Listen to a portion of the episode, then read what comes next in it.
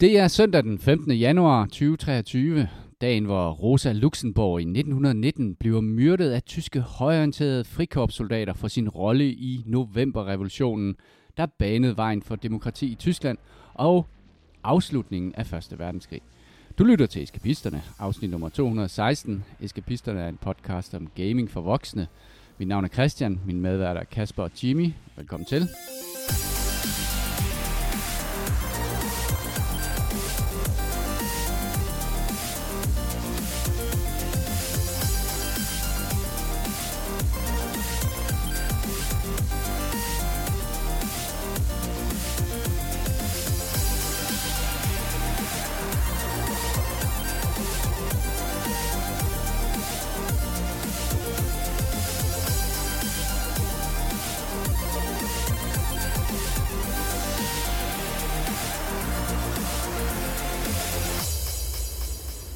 Det var et wild ride i en sætning, din datajournalistik der. Det startede ret nederen, og så endte det som noget godt.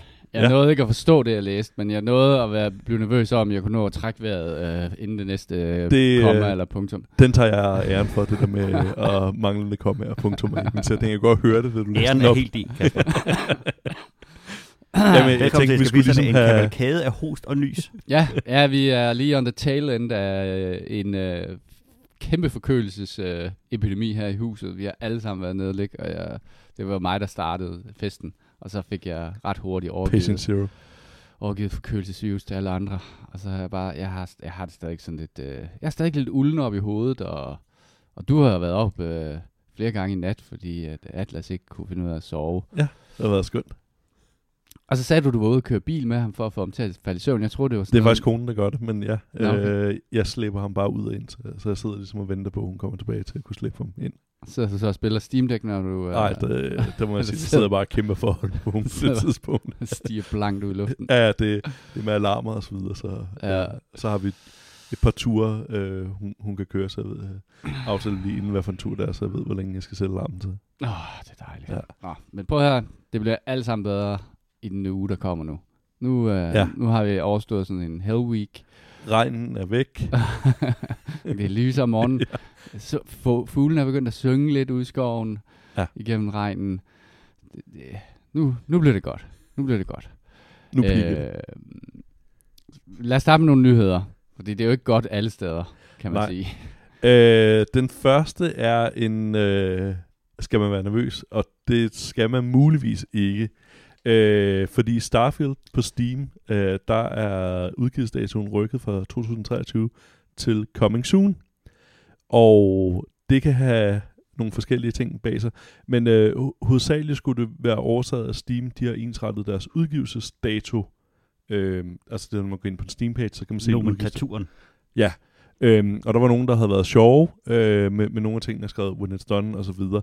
Og Steam har jo noget sådan oversættelse til forskellige sprog, og det er åbenbart ikke alt, der translater godt. Så de har ligesom ensrettet, hvordan man kan udgive. Og, der og kan dermed man, kan man analysere det, der står. Ja, præcis. Og der står, øh, der kan man vælge mellem the exact date, øh, så det er for eksempel 24. august. Man kan så også vælge øh, en, hvad hedder det, month and year, altså august øh, 2023. Det er ikke Starfield, vi snakker om lige nu, Nej, nej, men det det, det skulle blive eksempler. slutningen ja. af, af måneden. De havde en, hvad hedder det, øhm, et sådan øh, show med Microsoft, hvor de skulle komme en endelig dato på det. Øh, så kunne, kan man have en, et kvartal, øh, altså Q3, hvis vi igen snakker med august øh, 24, og så kan man vælge dagen, eller hvad hedder det, året, så 2023 for eksempel. Øh, og hvis man ikke vælger nogen dato, så har man coming soon. Og det, der så spekuleres i, øh, det er enten, hvis man ikke havde valgt en dato inden da, så fik man bare en coming soon, eller også vil, øh, hvad hedder det, øhm, øh, Bethesda ikke commit sig til en eller anden dato, i og med, at de også har en, hvad hedder det, en, et show senere på, på måneden, hvor de ligesom vil melde datoen ud.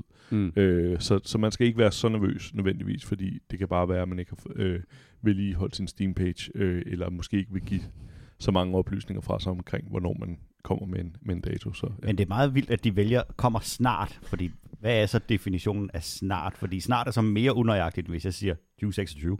Ja. Mm. Ja, ja, det, det ja. vil jeg ikke mene var snart. Øh, det, det, det er sådan lidt øh, Ja. elastik i metermål, virker det som. Øh, coming soon. Men det er fordi, vi alle sammen er lidt nervøse omkring det, ikke? Fordi vi, øh, vi, vi ved jo, at, øh, at de har sagt det flere gange, at nu, nu kom det altså. Nu, nu var der ikke flere. Nu er det rigtigt. Ja, nu, nu, er det nu rigtigt. bliver det. Men, men du siger, der er sådan en Microsoft-event. Øh, Ja, med Bethesda i med- med, slutningen af måneden. Okay. Det kan jo også, så kan, så kan man jo selvfølgelig bygge noget hype der, og så, I- it's out now, Ja, ja, præcis. siger de så. Til Så sidst. gå ind og tjek Game Pass nu, og så er den der. Ja. Det er nødvendigvis heller ikke noget, der sker. Ah, det tror jeg heller ikke. Det vil være, det vil være en hæftig en at lave sådan en sneak Men det er øh, fedt, når de review. gør det. Jeg bliver så glad. Ja, man bliver helt vildt glad, man vil gerne, og man husker det. Man, Ja. Kan du huske det der spil, som de, hvor And de it's rent out faktisk now. gjorde? Ja. And Jeg kan ikke huske, hvad det var for et spil. Jeg kan bare huske, det var der. Så skal de i hvert fald gøre det i slutningen af deres Ja. øh, presseevent, Ja, fordi så helvede. rasler folk øh, øh, ser tallet rasler nok ned, når, når de siger det. Jeg tror stadig på det. Jeg tror, jeg tror på det. Jeg tror, det bliver øh, første kvartal. Jeg tror, det bliver, ej, jeg tror, jeg bliver slutningen af første kvartal. Det virker som, at de, de i hvert fald har styr på det. Mm. Øh, I modsætning til nogle andre. Til nogle andre. Svære tider hos øh, Ubisoft. Ja, øh, hvad hedder det? Det går ikke vanvittigt godt hos Ubisoft. Øh, de, hvad hedder det, er ude og forhører sig med sammenlægninger hos andre firmaer, hvor at der er kilder, der siger, at øh, der bliver åbenbart bare grinet af Ubisoft. Der er ikke rigtig nogen, der har lyst til at have noget med dem at gøre. Mm-hmm. Mm. Øh, så det virker som en øh, persona non grata. Øh, så samtidig så siger... det forstår jeg faktisk ikke. Nej, jeg, Men, ja, ja. jeg ved ikke, hvad der har gjort til det, hvad, hvad folk er blevet så sure over. Øh, Altså, de havde jo rigtig mange problemer med toxic work environment og den slags, men de har jo altså også udgivet nogle spil, som har været nogle bangers. Altså, Mm. jeg tror, uh, Assassin's Creed, genopfindelsen af Assassin's Creed-serien med, med Ragnarok var, har været en kæmpe økonomisk succes for dem. Ja. Men så har de jo også, hvad skal man sige, nogle, nogle lige i lasten, eller hvad man skal Ja, ja, sige, i præcis. forhold til spil, som ikke rigtig kom ud. Ja, der er jo, øh, eller der er ikke rigtig kommet, men øh, altså der er jo øh, Skull, Skull and Bones, ja. Øh, som startede udviklingen, var det i 2013? Vi sad lige og læste Ja. op på det. 2013 startede de udviklingen af Skull and Bones, som sådan lidt på ryggen af Assassin's Creed Black Flag, Ja, som havde der. sådan noget naval combat i, som var ret Folk populært. gik jo helt øh, ja, amok ja. over, øh, og så tænkte de, det, det ville de også lave noget, men øh, der, der er tiden måske også ved at være, den, den skulle man måske have malket lidt tidligere. Vi snakker præ en hel masse ting. Ja, ja, præcis. øhm, Verden og, var en anden dengang. og den, øh, den seneste, øh, indtil de udskød den, var jo, at den skulle komme den 9. marts, men nu snakker de om finansåret 2024, så det er noget, der strækker sig fra Mm. øh, 1. april 2023 til 31. marts 2024. Så det er også øh, igen elastik metermål. Øh, men CEO øh, er også ved at gøre sig, øh, hvad hedder det, upopulær hos medarbejderne, fordi han har sagt, det er udelukkende de ansattes ansvar at levere til tiden. Øh, så det er, det er jo altid en god måde. Så han mener ikke, han er ansat. Han kan jo ikke Ja. ja. sidde der og Nej, ja, programmere, Jeg sidder ikke og taster jo. Nej, programmere Så mange sjov gameplay ind i et spil fra 2013. Øh, så det, og han øh, forventer deres fulde engagement og energi bliver lagt i firmaet. Så det er, hvis Men det skal ikke- succes. Ja. Hvorfor blev man upopulær for det? Er det ikke sådan standard inden for...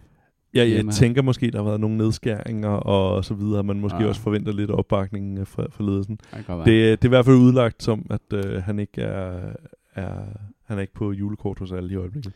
Men Ubisoft er jo har også, og det snakker vi også lidt, men, men, men de har også bare vist sig at være så tondøve i, alle, i alle deres udmeldinger. Så Ja, det er man, rigtigt, Man ja. sidder nogle gange tilbage og tænker, gør I det med vilje? Ja, det, øh, It's French. ja, Jamen, det er lidt, ja. Sgu- ja. Men det var... Øh, nu dykkede jeg faktisk lidt Det ned er i... ikke under for jeres regler. Den der Skull and Bones, det blev jo primært varetaget af, hvad hedder det, Ubisoft Singapore. Og, og da det startede, så startede det øh, faktisk som et, øh, et øh, projekt, som var støttet af, af Singapores øh, regering. Fordi at øh, de fik en masse penge fra Singapores regering, hvis det var, at de ville lave et spil, som havde en, en unik IP, og at øh, den øh, øh, gav arbejdspladser i Singapore. Så derfor tror jeg måske et spil, som man kan sidde og undre sig over, hvorfor det her spil blev cancelled øh, i, for Ubisoft. Der tror jeg simpelthen, at de kontraktuelt er forpligtet til at levere et spil på et tidspunkt. Øh, og så læste jeg lidt omkring øh, udviklingen af det, altså fordi det har jo været et sådan øh, et øh, Sea of Thieves koncept, så har det været et Rust, altså hvor det foregår foregik primært på land, øh, koncept sådan survival simulator, så der har været nogle rimelig vilde øh, 300, Det virker som, man har haft en 180 klar vision for, sving. hvad det er, man vil, man vil Ja. lave. det gør det godt nok. Og så sad vi lige og så en video af gameplayet, og, og det ser jo ud som om, der er brugt mange, mange penge på det, på det der game. De der, hvad der sørøverskibe og sådan noget, er jo ekstremt detaljeret. Når jeg lod mærke til på et tidspunkt, at drejer skibet, og så skyller der vand ind igennem kanonporten og ind på dækket, og ligesom rusher tilbage igen. Sådan en feature er bare sådan, okay, det er, det er fedt, men det, det er nice to have features. Ja, præcis. et, i et spil, hvor hvad kan sige, vi skal grundlæggende gameplay i hvert fald ikke fungere. Det, det virker i hvert fald som... Øh, jeg er i hvert fald svært ved at sætte fingeren på det, men der er et eller andet... Jeg, jeg synes, der virker lidt sjælløst på et eller andet i, i det spil, og det virker nærmest som, at det måske bare er en hel masse nice to have ting, der er samlet sammen. Det der, virkede, det, der virkede på til mig, det er nogle gange, når man ser sådan i sådan theme parks, hvis man har sådan en pirate ship, så er det klart, så sejler det ikke, så er det spændt fast på sådan en skinne under vandet. Og det har den der lidt samme mekaniske, Ja, ja, det virker som om skibene kører på sådan nogle skinner. Ja. Øh, der er ikke sådan den der duven af skibene i bølgerne og sådan Nej, noget. men det ser ikke så livagtigt ud. Altså, det kunne lige så godt have været på en, altså, på en marker med, med, med, med hjul under på Altså, en eller anden måde. Også? Det som er ved, ved både, det er, at de jo ikke er ligesom biler. Altså, du stopper dem ikke, og så bliver de bare stående. De driver jo med Ja. ja. havet og sådan nogle ting. Og det virker ikke som om, at de har haft det som en, øh, en design feature. Ja, hvis jeg kører rundt med nogle papkasser ude på deres parkeringsplads, så er det selvfølgelig... ja, Hvis de har hævet så kommer de det der, her piratskib hvis de har hævet de der sweet, sweet government money. ja, ja, det kan godt være. Det er, men øhm, altså, jeg synes jo, at de har lavet mange gode spil. Altså, når man ser Ja. på altså Division for eksempel. Nu var det så også lidt ballade med Division, fordi de har rykket Division tilbage. Før det var, de satte det til at være en eksklusiv Epic Store Ja, for title, PC. og Ja. den er nu på øh, Steam igen. Øh, tilbud ja. den her weekend. 9 Øh, euro. Ja, 9 euro for basegamet, og jeg tror ikke særlig meget ekstra for at få, Mm. resten med. Og den bliver review-bumpet, og øh, der er masser af memes, der kører over det, hvor det er, når dit, øh, hvad hedder det, øh, finansår er så slemt, at du er nødt til at bryde eksklusiv aftalen og udgive på Steam og sådan noget. Så det er, der, er- der er rigtig mange... Øh, men man fornemmer også den der toxicity fra, hvad hedder det, Ubisoft, altså internt måske også drevet ned til en dejlig gamerkultur, der er ligesom øh, også Ja. dejligt toxic. Så. Det var også dem, der lavede det der nye Mario and Rabbids-spil, som åbenbart havde... det er sådan øh, lidt lunken modtaget, det nye. Virkelig ja. dårlige salgstal ja. i hvert fald. Så der, der, der er ikke sådan, øh, det er nok øh, de sorte tal på bundlinjen, det kniver med, så skal der jo gøres noget.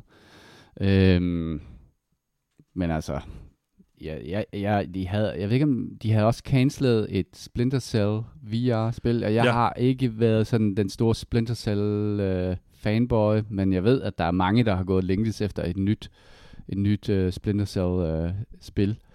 Øh, og det kommer man så til at se Og så var der også længere efter, end man havde troet. Et uh, Ghost Recon. Uh, de vil også med på bølgen af, hvad hedder det, Battle Royale. Uh, Nå. uh, og det, det er åbenbart lidt også blevet sent, cancelled. Ja. Ja. så, Ah, men øh, det der, det, de her, det var der, hvor de eksperimenterede med NFT'er også. Ja, det kan jo være, at øh, de har budgetteret med en meget stor øh, NFT-indkomst, Ah, ja, ja, som ja, så viser sig ikke Ah, ja. at helt at øh, være der. Jamen, det synes jeg, det er også en, det er sådan en meget sund øh, forretningsmodel at tænke. Der er nogen, der sælger nogle billeder digitale billeder af nogle aber. Det, det, det budgeterer vi med næste år. Det, det, det er 30 milliarder dollar lige der. Nogen skal jeg lave nogle digitale køer. Er den der bølge ved at være over? Er det ved at være gået? håber det. Ja.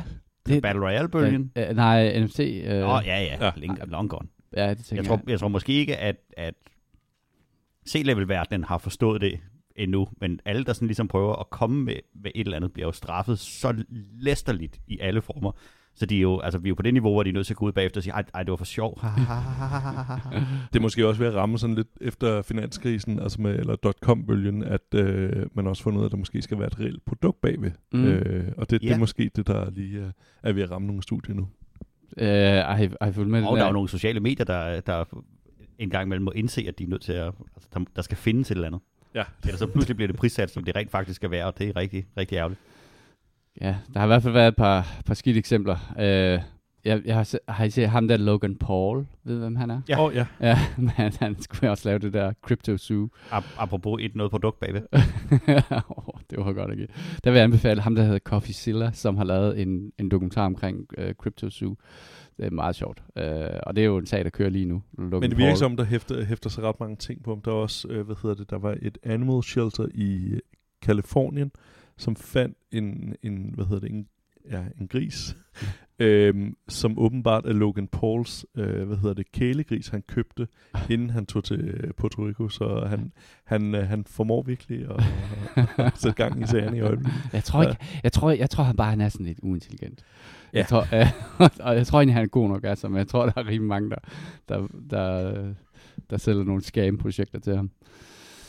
Øhm, hvad har vi spillet? Det har været, Øj, vi har kæft, meget på, vi har kæft, vi har meget på, øh, på spillelisten her. Jeg fik i hvert fald en julegave fra, hvad hedder det, Jimmy. Det Ja, tror jeg også, ja. der var nogle andre, der fik. Øh, fik vi alle sammen. Ja. Shower with Dad.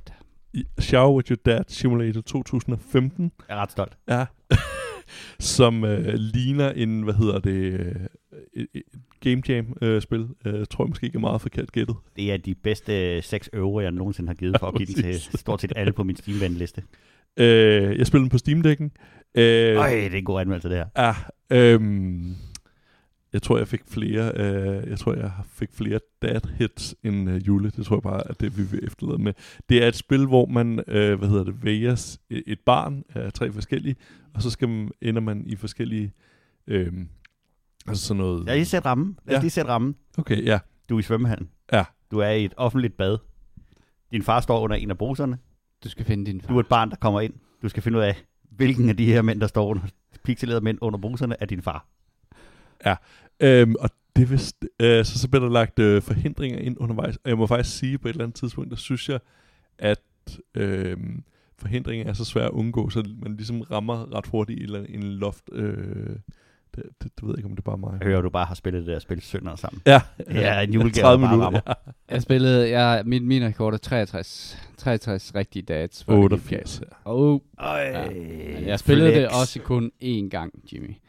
Men det var, på en eller anden måde var det meget let. Jeg var lidt bange, da jeg startede spillet op, det må jeg sige. Jeg sad, øh, jeg sad i omgivet af, af svigerfamilien og sådan noget. Og, og, men heldigvis var det mere... Hvad døde spiller du. Christian? øh, no. Jeg har spillet øh, Escape from Tarkov.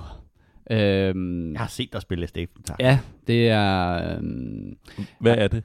ja, hvad er Escape from Tarkov? Uh, jeg spiller jo rigtig meget Hunt, uh, og kan rigtig godt lide uh, Hunt, og hvad det hedder, det, uh, hvad skal man sige, koncept, som Hunt har, som er en, det man kalder en extraction shooter, man tager ind, og så skal man samle noget sammen og, og komme ud igen. Det er jo det, som var uh, Tarkovs uh, Call to Fame. Uh, det er faktisk et ret gammelt spil, det er stadigvæk i uh, beta, siger de. Det er et af de der underlige små, øh, eller det er faktisk ikke så lille, og det er det, der er lidt underligt ved det, fordi det, du kan ikke købe det på Steam, du kan ikke købe det på Epic, du kan ikke købe det andre steder end på deres egen hjemmeside, øh, hvor du så kan gå ind og, og købe det, og det er... Um, øh, Og alle har lyst til at bruge deres kreditkort på en russisk hjemmeside. lige præcis. Specielt ja. disse dage. ja, nemlig. Øh, så det kan jeg også selvfølgelig.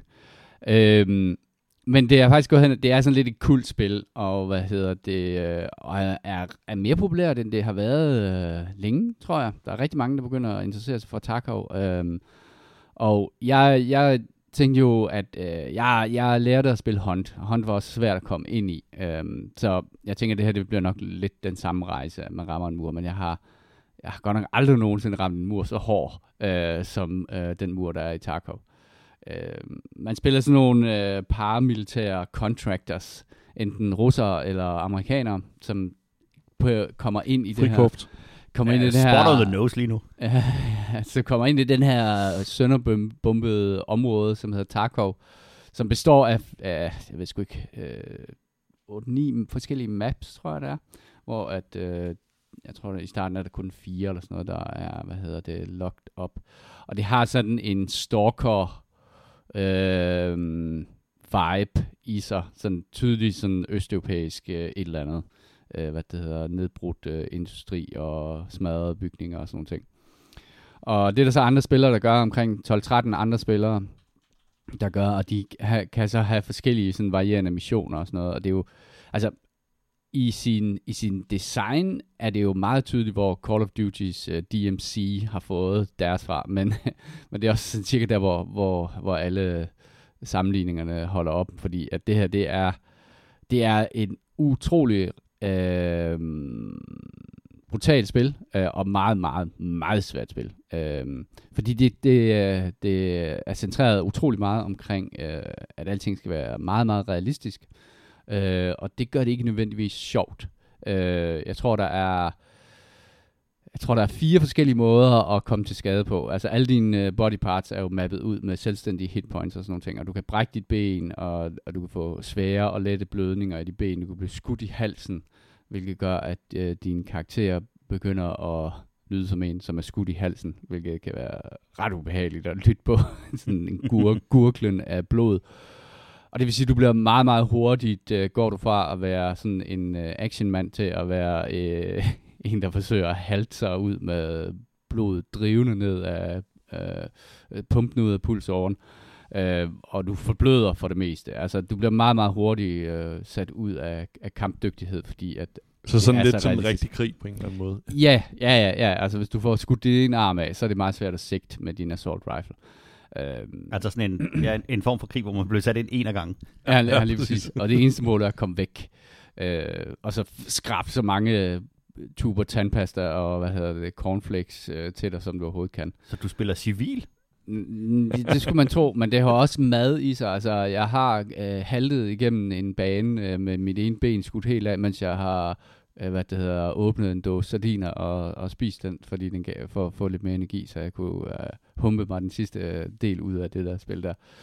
Det er, øh, det er godt nok svært at, at komme ind i, øh, fordi det har, også, det har den der deprimerende tone ved, at, at øh, det er ret tydeligt, at det ikke er sjovt at blive skudt.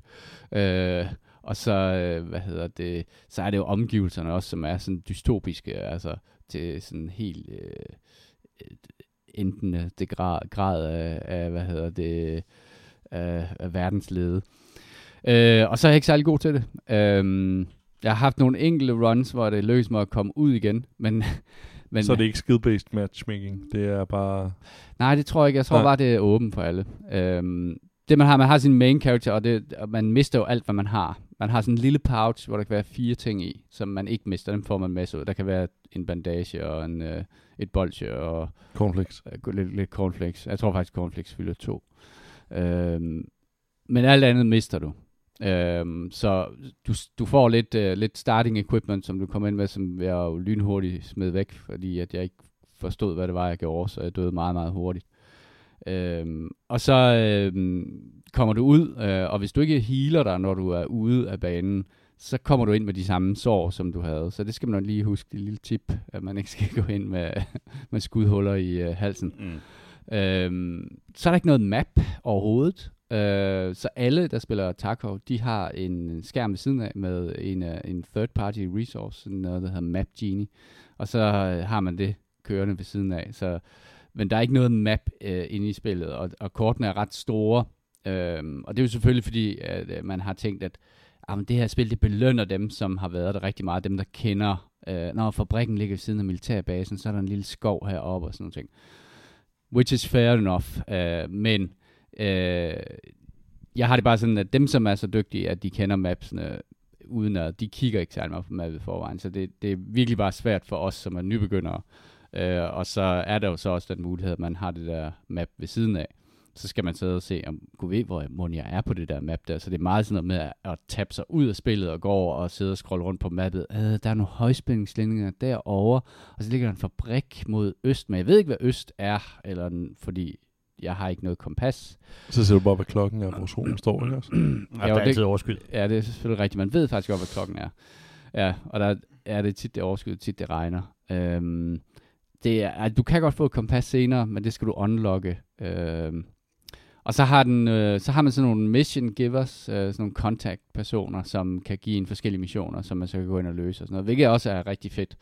Øhm, men altså, jeg vil sige, de, nu har jeg prøvet at, at penetrere det her spil den sidste uge, og jeg har det sådan, altså sidst, da du skulle kigge på, Jimmy, der, det tror jeg nåede at være inde i banen i, i 3 minutter og 20 sekunder. Ja, 3 minutter og 20 sekunder, og så blev jeg headshottet af en anden, der lå op i en busk. Øhm, der er også nogle scavs, hedder det, som er sådan nogle NPC-player, som du kan spille, og de er selvfølgelig øh, knap så svære som andre øh, spillere, men de er stadig ikke dårlige. Øhm, og du har også muligheden for selv at gå ind som en scav, øh, og det betyder, at der får du noget udstyr. Øh, så du kan ikke selv øh, designe din karakteres udstyr, men du får noget udstyr, som i det her, på det her tidspunkt er væsentligt bedre, end hvad jeg selv har råd til at købe. Men øh, det der med ved dem, det er, at, at, at de kommer ind i raid, som er i gang. Det vil sige, du kan risikere at komme ind på en bane og kun have 10 minutter. Øh, og hvis de 10 minutter er gået, så dør du bare. Så det, der halser man bare mod en eller anden udgang, og så forsøger man at rive et eller andet til sig, som man kan bruge. Og, det, og så hvis, hvis du dør som skaf, så kan du bare tage en ny skaf og gå ind. Så, skal, så er der sådan en cooldown period på, øh, på en halv time, før du kan komme ind igen. Så har de lavet sådan et system med, at man kan forsikre sine våben, så hvis du har en rigtig flot assault rifle, så kan du forsikre den, sådan at du får den igen. Men så... Øh, Er det for rigtige penge, man betaler? Nej, det er, Nå, okay. altså det er rubler, øh, men det er in-game money, det er game money. Jeg tror godt, du kan købe flere rubler, men, øh, men øh, det som så er ved det, hvis du forsikrer dine penge, så betaler du et eller andet beløb, som er ret højt, øh, og så får du ikke dit våben tilbage med det samme. Øh, du får det sådan mellem 24 og 48 timer efter, at øh, altså real time. Så, så det, Så er der noget, der er godt i det spil? Fordi lige nu synes jeg bare... øh, jamen, der er jo den der, altså, og det er jo det, som, det er jo det, som, det er det, som også er godt i Hunt, det er jo det der med, at det er high risk, high reward. Øh, øh, og det kan jeg jo godt lide i Hunt, jo. Jeg kan jo godt lide Men den er det ikke fokuseret meget på, at altså, det virker ikke som, der er nogen indgang, hvis man er ny spiller i det her? Ej, det, det, er, det er helt klart øh, en del af, hvad skal man sige, det man er stolt af, hvis man er, spiller, spiller Escape from Tarkov. Så tror jeg, det, at man, man har været igennem den der øh, frustrationsperiode der. Øh, fordi du kan jo selvfølgelig godt blive god til det, øh, men det tager bare vildt lang tid at blive god til. Jeg tror bare, at der er rigtig mange, der køber det, og så spiller de ligesom øh, en uge, og så tænker de, det der, det er simpelthen bare for øh, frustrerende. Altså, jeg får, jeg får De ting, som jeg læser, når man, man læser om det, så er det selvfølgelig det her med, at, at altså det, har jo, det har jo ry som at være sådan et virkelig, virkelig brutalt spil, og man er benhård, hvis man, hvis man kan spille det. Men det, som jeg meget konsekvent kommer ind på, jeg har siddet og læst om det, fordi du har spillet det, og tænkt, hvad, hvad pokker er det, hele det her, det er, at der er absurde mængder af cheaters i det. Fordi det er deres eget spil, og det ligger ikke under for nogen former for de her store øh, launchers, eller noget som helst, så, er det- så er der så er det helt ureguleret i forhold til folk med, med alle mulige former for cheats. Okay, det er jo godt at vide. Og det, det, det, det kan du så klappe dig selv på, øh, på, på ryggen med. øh, og, og, og det er jo også noget der, hvor man så tænker, yeah, er, det, er det noget, man gider at, at, at, at læne sig ind i? Nej, nej, og det er det, altså, fordi jeg kan jo stadig godt mærke, at jeg har sådan, mm, jeg skal, jeg, jeg, jeg skal, jeg skal ikke bryde igennem den her mur her. Jeg har, altså, fordi der er ting ved det, som, som fungerer rigtig godt. Det er meget atmosfærisk spil, og det, det kan jeg godt lide jo. Øhm, og det har lidt det samme som Hunt, de der lange perioder, hvor man bare bevæger sig taktisk og roligt rundt og forsøger at uh, make sense of the world og sådan nogle ting. Uh, og det kan jeg faktisk også godt lide. Uh, men jeg synes, at jeg synes simpelthen, det er for realistisk i forhold til øh, de der sår, man pådrager sig. Altså, og det er rigtigt nok, det, det er selvfølgelig langt mere realistisk, end hånd er. Øh, når du bliver ramt i hånd, så, så bliver du ikke, så, altså, så, så kan du stadig løbe lige så hurtigt, og du kan stadigvæk sigte lige så godt og sådan nogle ting. Så det er ikke sådan øh, på samme måde, at du bliver handicappet meget, meget hurtigt. Altså fordi du når lynhurtigt sådan en dødsspiral, hvor man kan sige sådan, okay, nu er jeg simpelthen bare skudt så meget, at jeg kommer aldrig nogensinde til at være en, øh, at jeg kommer ikke til at få, have succes med det her. Øh, der er nogle ting, hvor, hvor jeg godt kan se, det er de samme te- teknikker og sådan nogle ting. Altså det der med, hvis, du, hvis der er en, der skyder efter dig, og du ikke ved, hvor han er, så, så i stedet for at se, altså det er jo sådan en ting, som jeg synes er meget fedt, det er, at så, så gælder det om at flytte sig til et sted, så han i hvert fald heller ikke ved, hvor du er. I stedet for bare at, at begynde at scanne ud i horisonten og se, om du kan finde de der pixels, som er han, hans og sådan noget. Og- Og det, det kan jeg egentlig godt lide, den der måde, at, at spil kræver, at man skal tænke sig om. Øh, men det har jeg sådan set allerede i hånd. Øh, og på en lidt mere tilgivende måde. Øh, jeg tror, jeg tror, jeg skal prøve det en lille smule mere. Øhm, nu har jeg trods alt øh, betalt fuld, fuld pris for det. Ej, øh, det gør jeg sgu ikke. Men det er ikke rart at vide, at, at et spil, der er så svært, at der i forvejen, at der så oveni er folk, som, øh, som kører aimbots, eller hvad fanden de kører i det her spil der. Fordi det vil være ekstremt effektivt i et spil som det her, hvis man ved, hvor de andre spillere er. Så det var Tarkov. Jeg tror, ej, jeg, jeg, tror, jeg tror ikke, det er noget, jeg kommer til at fortsætte med. Deprimerende spil. Det lyder ikke sådan. Så... Det minder mig om, om nogle af de andre spil, jeg sådan har, har læst ind i, og tænkt, det vil, ej, det vil jeg rigtig gerne prøve. Rust og, og nogle af de her andre spil.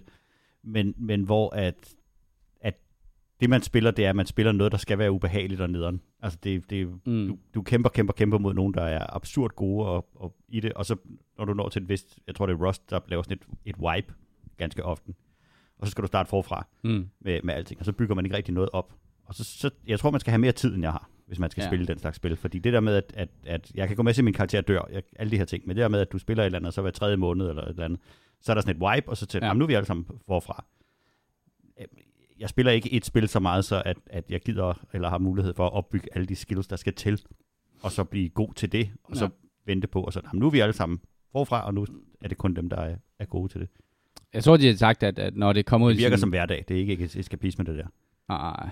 Når det kommer ud i sin final version, så, så vil der være server, hvor der ikke er wipes. Men det har jo været beta i mange, mange år efterhånden. Og, øh, og der er stadig rimelig mange ting, som de ikke har udbygget særlig meget. For eksempel er der sådan en, en, en radiation øh, stat, som overhovedet ikke bliver brugt i spillet. Altså, hvor de har tænkt sig at indføre en ny måde at blive syg på.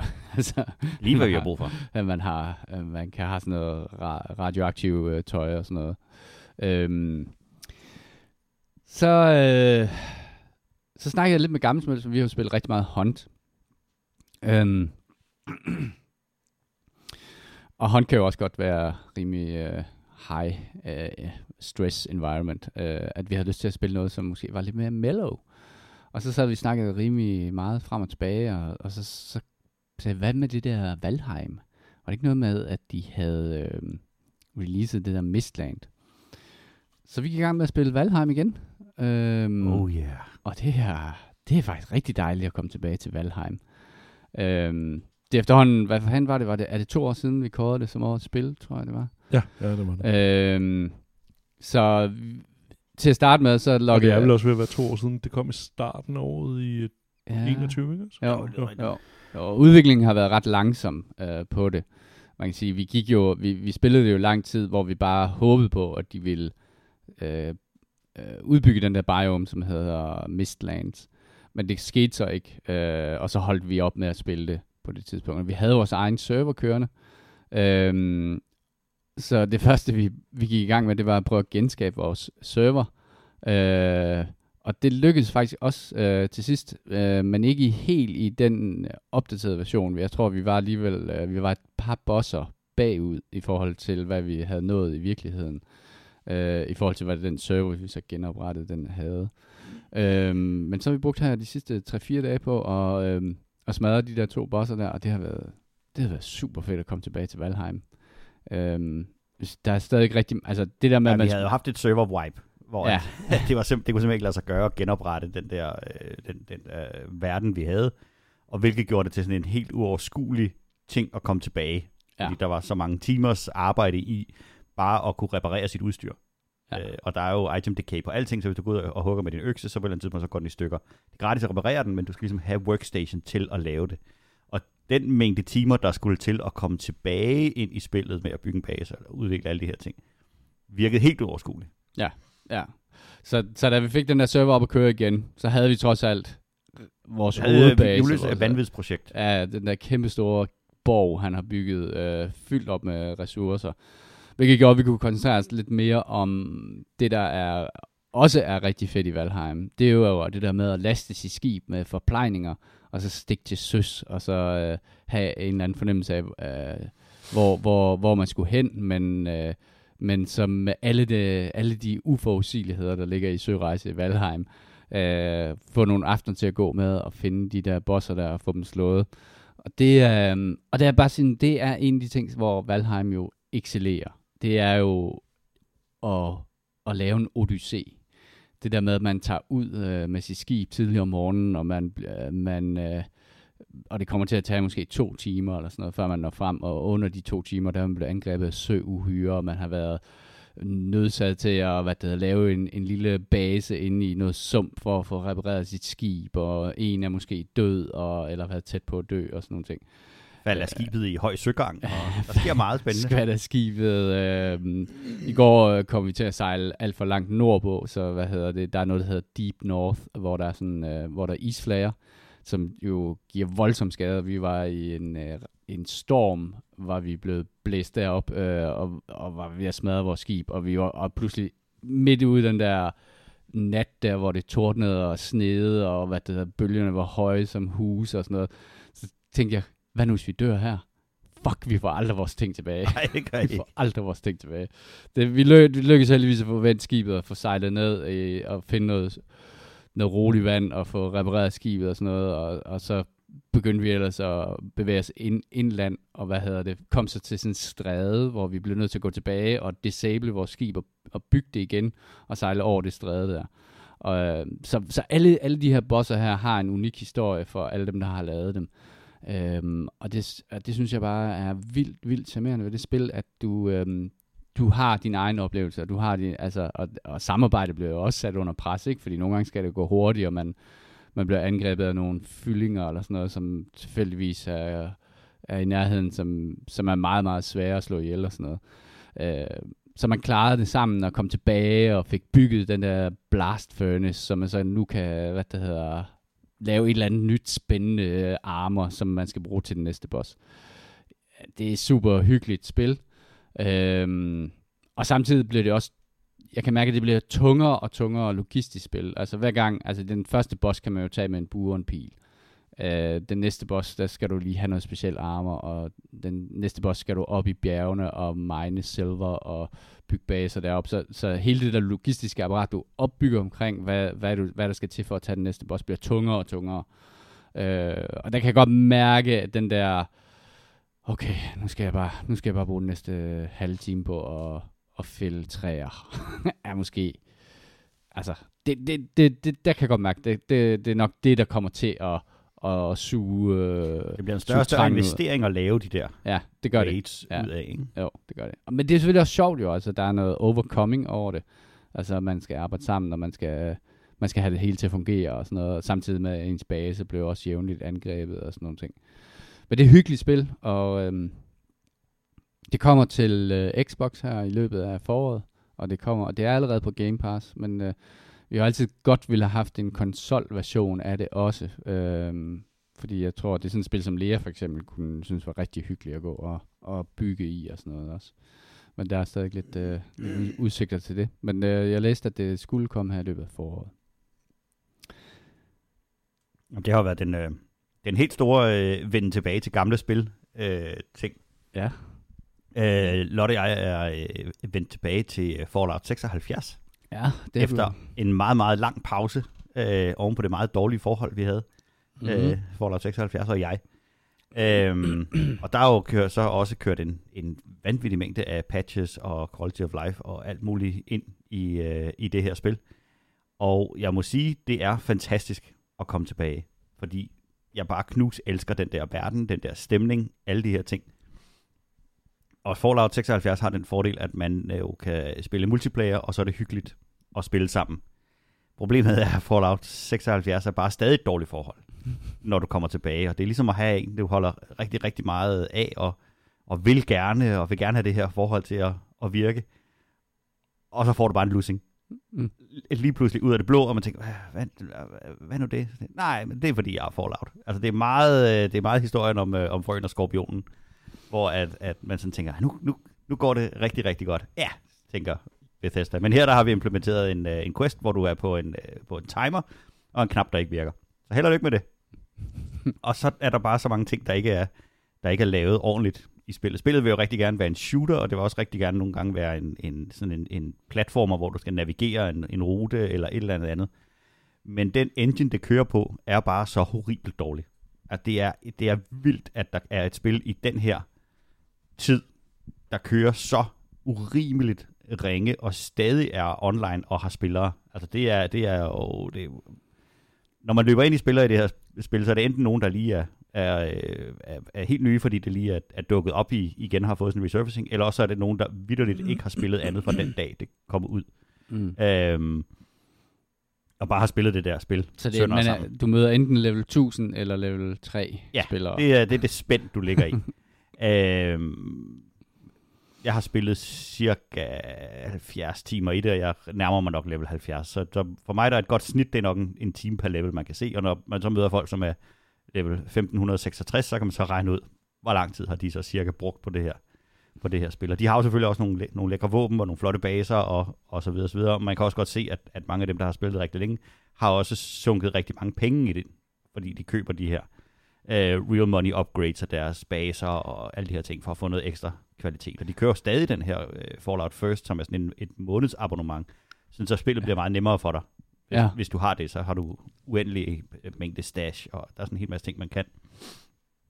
Øhm, så, så de har stadig, jeg tror ikke, det er særlig stor, men de har stadig en eller anden form for spillerbase på det, og det undrer mig, når spillet er så dårligt. Vi er jo, nødt, vi er jo simpelthen nødt til at sidde og og, og, og hygge os med, at det er dårligt, og, og Mm. grine af de her ting, der, der er, ikke? Altså, sig du er Fallout, uden at sige du er Fallout.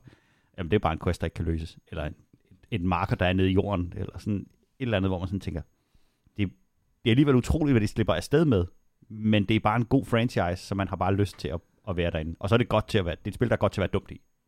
Det var, jeg tror, altså, at vi havde jo glædet os rigtig, rigtig meget til, til Fallout 76, fordi at vi elskede Fallout-universet, og så den der idé med, at man ligesom kunne spille det sammen, Ja. var jo virkelig, virkelig øh, lokkende for os. Øh, og så kom det jo ud i den tilstand, det kom ud i, og, og dengang havde de jo sat sig på, nej, men det er spillerne, der er indholdet, så vi vil ikke have quests, og vi vil ikke have questgivers. Det har de så Vi sidenhen NPC'er. vi vil ikke have NPC'er, fordi at, øh, det, det er spillerne, som ligesom skaber det her univers. Det er nok også en, øh, en, en nem beslutning at tage, når man så slipper for at lave en hel masse arbejde. Tænker jeg, at man så bare havde tænkt, at når spillerne går ind og, og er indholdet i spillet.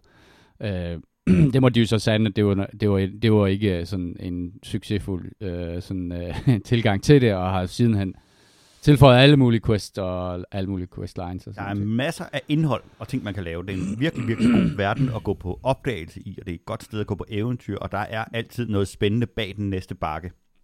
Der er vanvittige mængder af, af, af content i det her spil. Men Mm, hver eneste gang, du sidder i baren og hygger dig med din, med din old fashion, der tænker, det er faktisk ikke så slemt, det her. Så kaster bare til et, et skål pis i ansigtet på dig. Og siger, nej, og alligevel, nej, det var ikke og nødvendigt. alligevel blev vi med Og jeg kommer, og igen, dag- jeg kommer igen dagen efter og tænker, jeg håber ikke, den bartender er på arbejde. Men det er han hver dag. Han går aldrig hjem. Ah, så er jeg lige, nu har jeg taget gimpsuite på dig, men nu må du gerne gå på mig med stiletter. Det er dejligt. Au, au. øh, jeg, jeg ved ikke helt, altså jeg prøvede at installere det, og hvad der gik rundt i det, og jeg tror, det som jeg, øh, det er, um, altså, et, det, det føles bare ikke sådan, det føles svært at navigere i, altså den movement og sådan nogle ting er underlige, altså jeg synes, der er rigtig meget, der er besværligt i det. Uh, og det er jo selvfølgelig også, fordi man kan samle alting op og skille alting ad og sådan noget. Det har hele det der gigantiske crafting ting, uh, som er en meget, meget stor del af det. Men hvor det kan være virkelig, virkelig overvældende at vide, hvad for nogle uh, dåser du skal samle op, og hvad du skal smide og sådan nogle ting. Fordi at du ender altid, ligesom mig, fordi jeg er sådan en pack mule-agtigt ting, hvilket er også den trade, jeg har flest point i, tror jeg så jeg bare kan samle alting op, men så ender jeg altid med at være helt vildt over encumbrant, og så kan jeg ikke øh, bevæge mig, øh, og jeg kan ikke rigtig finde ud af, hvad jeg, vil, hvad jeg vil smide, og hvad jeg ikke vil smide, og sådan noget. Øhm. Jeg ved ikke, jeg, jeg håber ikke, at det er den samme engine, de har bygget Starfield på, men øh, Hvis det er, så bliver det en sjov launch. Og så tror jeg, så tror jeg at Coming Soon er måske et, øh, et meget nøjagtigt. Soon. det kan være, det er en version 1,5 af den Ja. ja. engine der. Nej, men det er, øh, det er faktisk rigtig, rigtig hyggeligt, og det er jo den der glæde, man finder, når man, når man finder et spil, man rigtig godt gider at spille sammen og være, være flere om. Øh, ja. så, så, skaber, så er det jo næsten ligegyldigt, hvor dårligt spillet er, så skaber man jo noget, ja. Ja. noget skæg og noget ballade ind i det. Så ud fra en multiplayer-vinkel, så er det bare skidehammerende skægt at spille sammen, fordi det er en verden, hvor du kan ja. Ja. lave mange vanvittige ting i. Ja. Men verden gør også mange vanvittige ting ved dig. Der er godt, øh, godt hat game i det. Ja, et, et strong, strong Hver gang jeg game. kommer ind i uh, gamerstuen, så har du en ny uh, hat på. Jeg tror, du har sådan en nar-hat på i går. Yes, de, uh, de laver nogle vildt, altså at de lægger alle deres arbejdstimer i at lave kostymer, og nul i at, at, at patche op. Og så vil jeg også godt slå et, et kæmpestort uh, slag for, at uh, hvis der nogensinde er nogen, der tænker på at udvikle et spil, og de tænker monster scaling, det er da en rigtig fed idé. Bare lad være. Mm. Det er en forfærdelig, det er en dårlig idé. Altså, og når du siger monster scaling, altså det... Ja, hele verden, den scaler bare til dig. Nå, okay, så jo, ja. jo, jo stærkere du bliver, jo stærkere bliver verden. Ja. Øhm, Og det synes jeg fjerner alt skæg og ballade i. Ja, i ja. Så det, der ligger noget værdi i det der med, at der er nogle, nogle steder, man ikke tør gå ind, og så ligger der også Ja. ja. noget værdi i, at det, som engang var farligt, Det er det farligt. høster du bare. Men- Sådan er det ikke. Øh, jamen så, øh, jeg, jeg gik i gang med at spille lidt Tunic. Øhm, det var et af de spil, som jeg var lidt ked af, at jeg ikke havde fået spillet sidste år. Og som var et af de spil, som rigtig mange steder havde som øh, en, en stærk øh, contender til at være årets spil. Er det med den der rev? Det er sådan en lille rev, ja. Ja. ja. Sådan et Zelda-agtigt øh, puzzle game øh, med lidt Dark Souls i combat. Uh, sådan, det i hvert fald sådan et uh, parere Er du ved at se den til jule? Øh, jeg tror faktisk, Jule vil synes, det var et godt spil. Øh, fordi det har... Um, det, som jeg synes er... Altså, det, det er virkelig pænt. Det er meget sådan simpel grafik. Øh, enkel, enkel og simpel grafik. Men øh, den måde, som de der baner er lavet på, er ret fantastisk. Øh, jeg ved ikke, igen, jeg ved ikke, om det er sådan et, et Dark Souls i ting, det der med, at man finder nogle shortcuts, så det der før var en lang rejse. Meget Dark Souls. Ja, man sparker en stige ned, eller laver en bro, og pludselig kan du komme nemmere frem til det sted, der har taget rigtig lang tid at komme til, øh, til at starte med. Og der er nogle af de ting, hvor, man, hvor, at, hvor det er virkelig godt lavet, hvor det var sådan, okay, det her det var der hele tiden, jeg så det bare ikke. Jeg kunne faktisk godt have taget den her, hvad det, den her lille genvej her. Jeg så den bare ikke, fordi den var gemt bag en, øh, et træ eller et eller andet, og så kom man op af et hul. Men hvis jeg var gået derhen, så kunne jeg faktisk have gået ned og taget uh, smutvejen. Det er meget charmerende grafik, og så har de sådan en sjov øh, lille ting med, at man, at man finder sådan... Øh, man finder sådan nogle dokumenter, som er ligesom siderne i en manual til, hvordan man spiller spillet. Øh, og det synes jeg er en virkelig, og det, den måde, de er spredt ud på, den måde, man, man får de her små øh, dokumenter på, er, at, at det passer rigtig godt sammen med det, det flow, man er i. Fordi man, der er faktisk ret mange måder at hvad det, hedder, rulle på, og hvor, øh, hvornår du øh, øh, usårlig. Øh, hvordan ved man det, når du, der er sådan nogle invulnerability frames, når du ruller og sådan noget væk fra fjender. Combat-delen synes jeg er lidt svær, øh, så jeg har faktisk valgt at sætte den ned på easy. Øh, fordi at jeg synes egentlig, det er puzzle-delen, som øh, tiltaler mig mest. Øh, jeg synes, det er et pissegodt spil, øh, som jeg så er kommet lidt væk fra, fordi vi skulle spille Valheim og, og Tarkov, men, øh, men øh, det er et spil, jeg skal have spillet noget mere af. Det, det er rigtig godt. Jeg har spillet det rigtig meget på, øh, på Steam-dækket, og der fungerer ja. det helt eminent. Og det er et, et fantastisk øh, konsolspil, fordi at mekanikken og, og spillet er relativt avanceret, men control-schemet er meget simpelt. Du skal, du skal gå og slå og rulle. Ja. That's pretty much it. Og så skal du opdage den der verden, ja. du er i. Der er ikke ja. brug for nogle hotkeys, der er ikke brug for særlig meget. Og der er heller ikke særlig meget øh, tekst. Øh, alting det er visuelt forklaret, og, øh, og, og på den måde så er det et af de spil, der jeg har spillet, der står allerstærkest på, øh, på Steam-dækket. Mm. Der fungerer det altså virkelig godt. Du, du har da også spillet det, har du ikke? Øh, Nej, jeg havde bare set Nej, du har bare set det. Men det kunne godt være nu, hvis du siger det. Ja, stærkt, det er Steam. Øh, eller Steam Deck-spil. Ja, og det har, øh, det har virkelig den der øh, fornemmelse af, at, at man opdager ting undervejs. Øh, og, og man bliver bedre efterhånden, som du får tingene forklaret, og, og, og det hele det vokser sådan ligesom mellem fingrene på dig, uden det behøver at, at, at blive super Ja, det føles meget naturligt. Altså, progression føles meget naturligt. Altså, den serverer de ting, man skal bruge i det rigtige tempo. Så pacing er virkelig, virkelig fantastisk i det spil. Kasper, du har spillet et af de nye spil, øh, som ja. du har glædet dig rigtig, rigtig meget til. Ja, uh, Sport Story, uh, ja. som er efterfølgeren til Golf Story uh, på Nintendo Switch. Um, og desværre, så må jeg nok sige, at um, det man ligesom kunne fornemme omkring, at der var stille for udviklerne i næsten halvandet år, og så lige pludselig så uh, siger de, når vi udgiver næste måned. Um, det var der en god grund til. Ja, øh, jeg tror, at øh, pengene lød op fra, fra Nintendo eller et eller andet, eller var der en bonus for at release det. Det er et meget ufærdigt spil, der kommer ud. Øh, der er mange... Øh, den største frustration, det er sådan rent tekniske problemer, der er i spillet.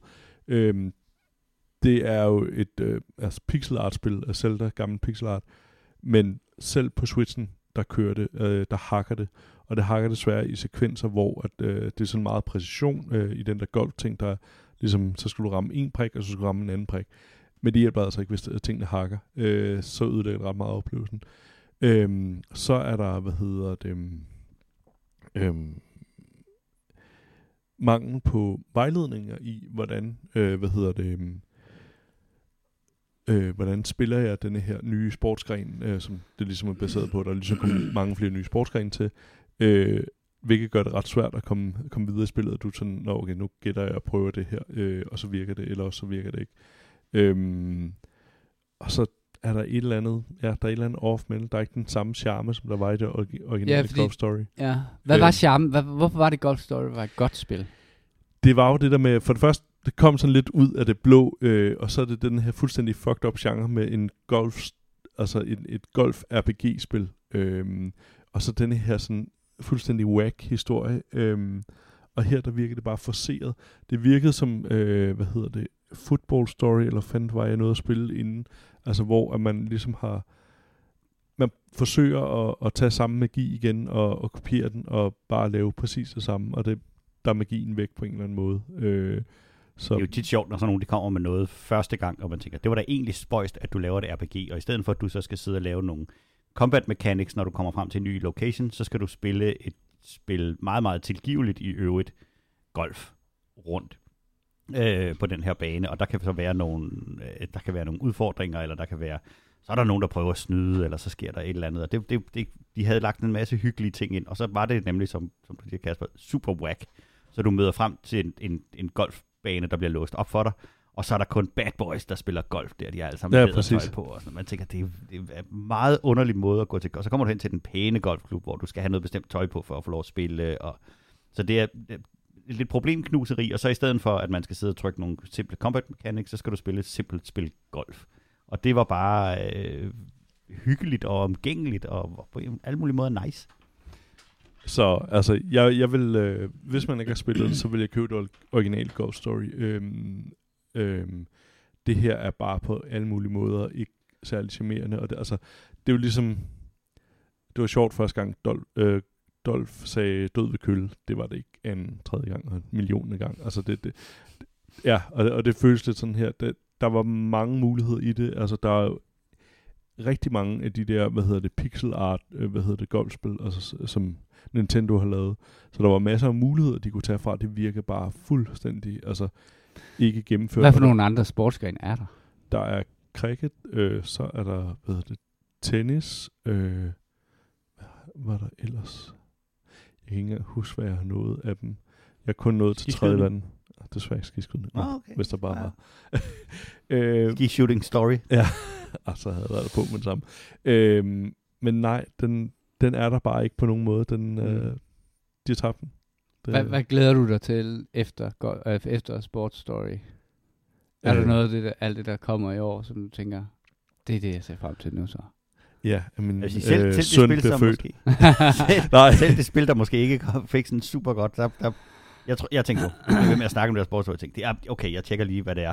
Og så inde på, øh, på Steam, der søgte jeg sig frem, og det eneste, man finder frem, det er Naked Sports Story, som er et, et, et minesweeper med nøgenbilleder inden, indenunder. Det, det er ikke super sporty, og, øh, og, og, og det er bare fascinerende, at der stadig er folk, der laver de her e- ekstremt elendige spil, baseret på, at noget andet har været ikke engang en moderat succes, men bare en form for nyhedsværdi. Ja, ja, præcis. Øh, men ja, det, øh, nej, det, øh, det, det skal man bare holde sig fra. Det er sportsstory, desværre. jeg Ja, sige. Naked Sports Story er heller ikke særlig godt. Nej.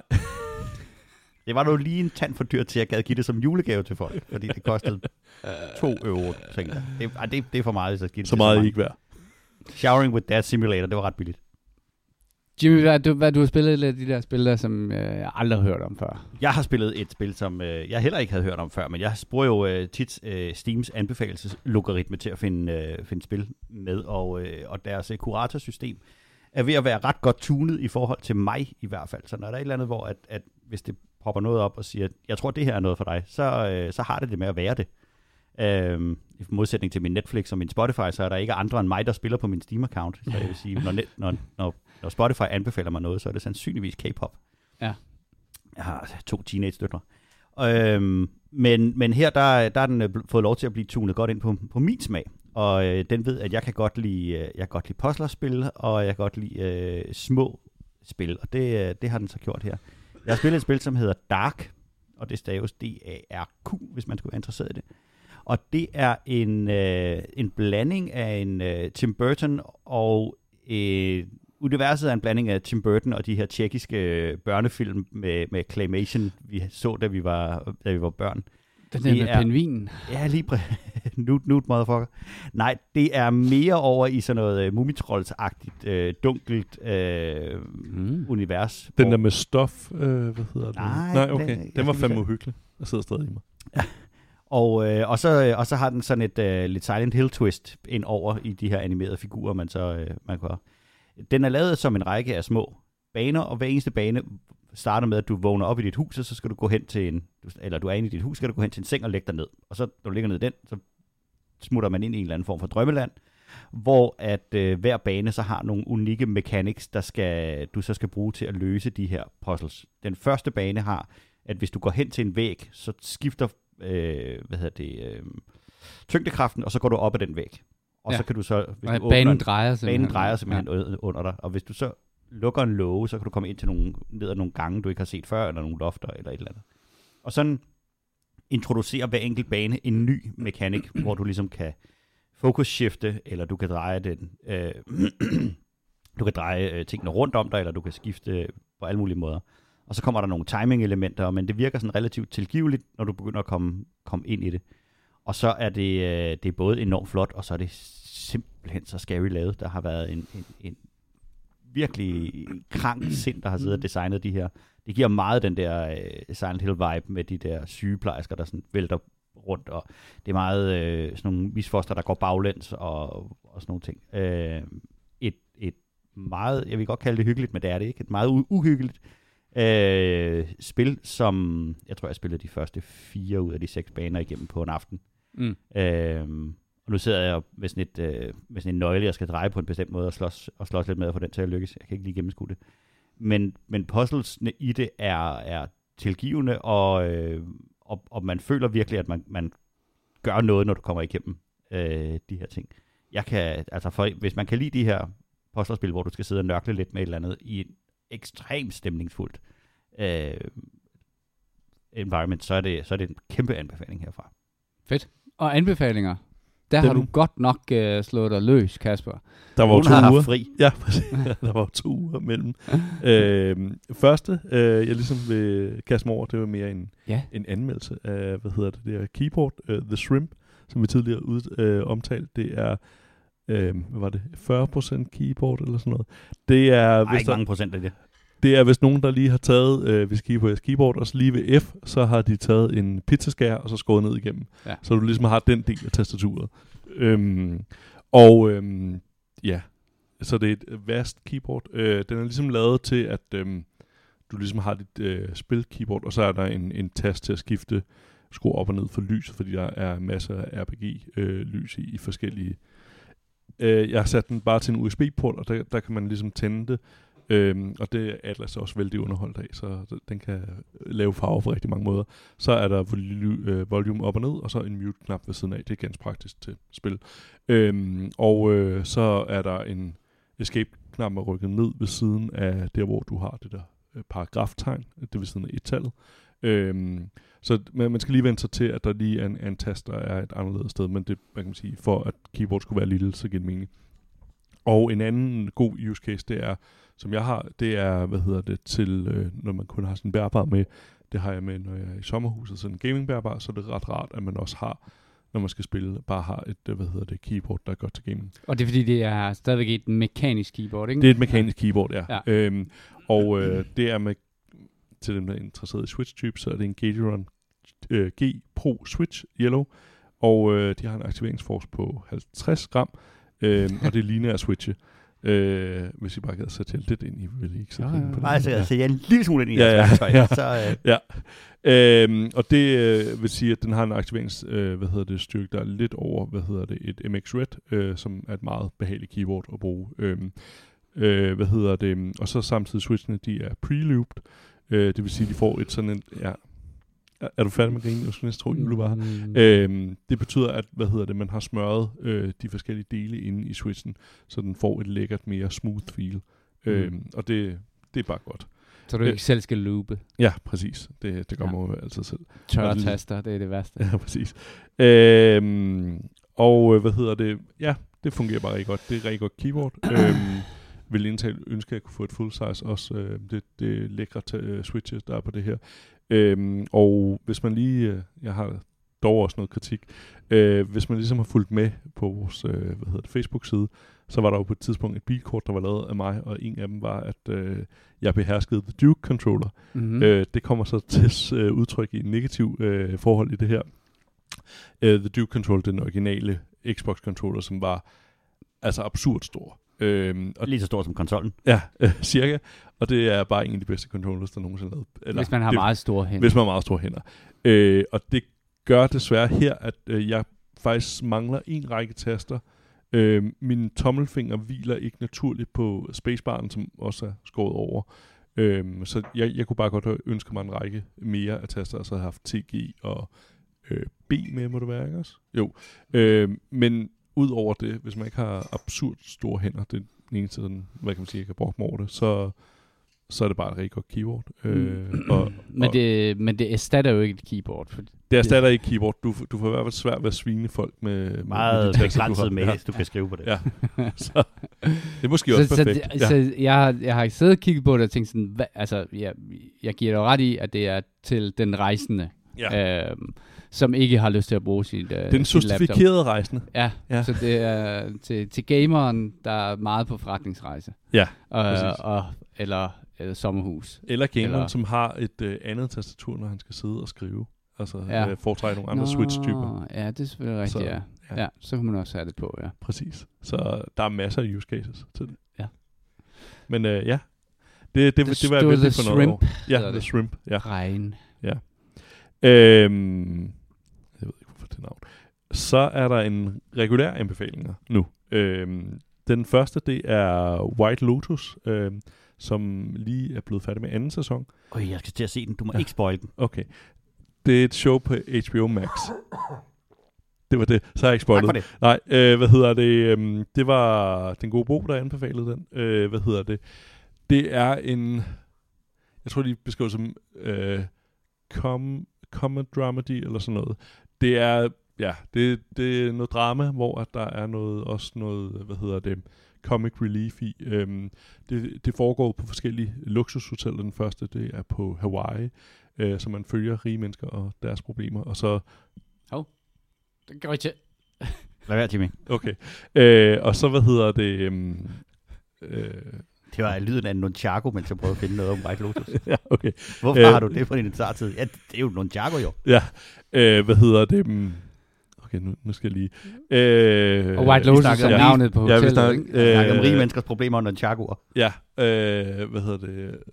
Downstairs, upstairs øh, agtig. Øh, virkelig, virkelig underholdende øh, serie. Øhm, og, og anden sæson, det er så på Sicilien, hvor at det, det er sådan en kæde af de her White Lotus, øh, hvad hedder det, hoteller. Øhm, den, ja, jeg, jeg kan ikke rigtig sige så meget andet, end at det er virkelig velskrevet, det er sjovt, og det, det er bare godt. Altså, få, få det set i en fart.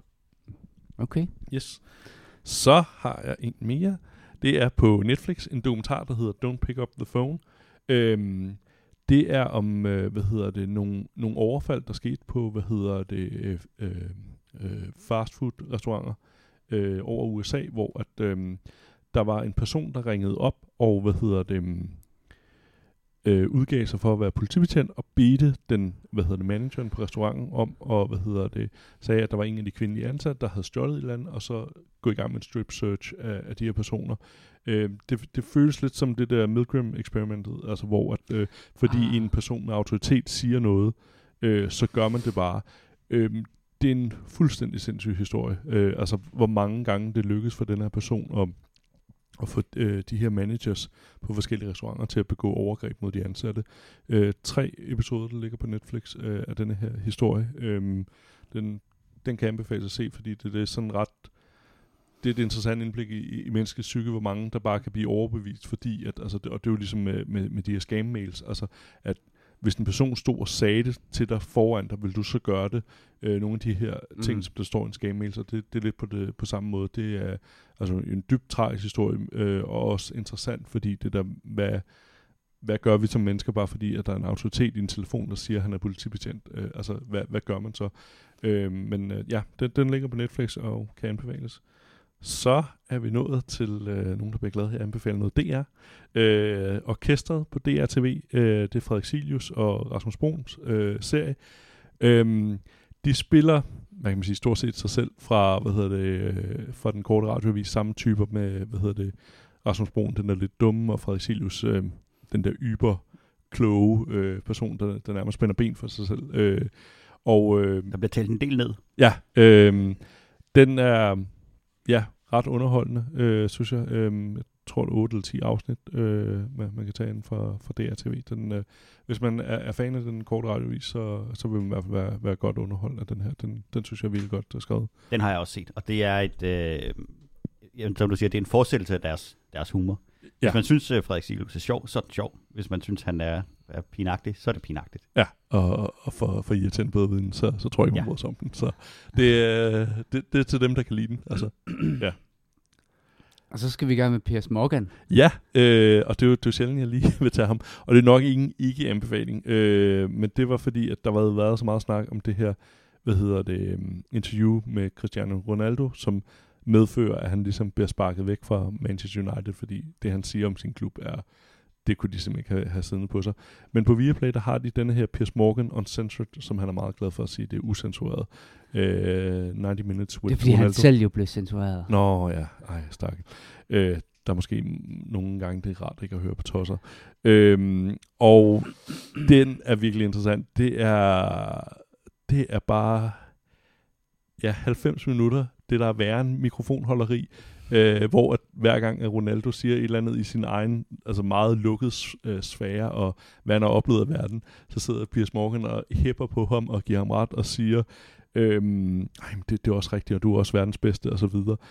øhm, og så en anden ting, der er interessant, det er, at den er fyldt med faktuelle fejl øh, i den her. Det, det er alle mulige ting, hver gang de ligesom skal sige eller med nogle tal og statistikker, eller likes og på Twitter og så videre.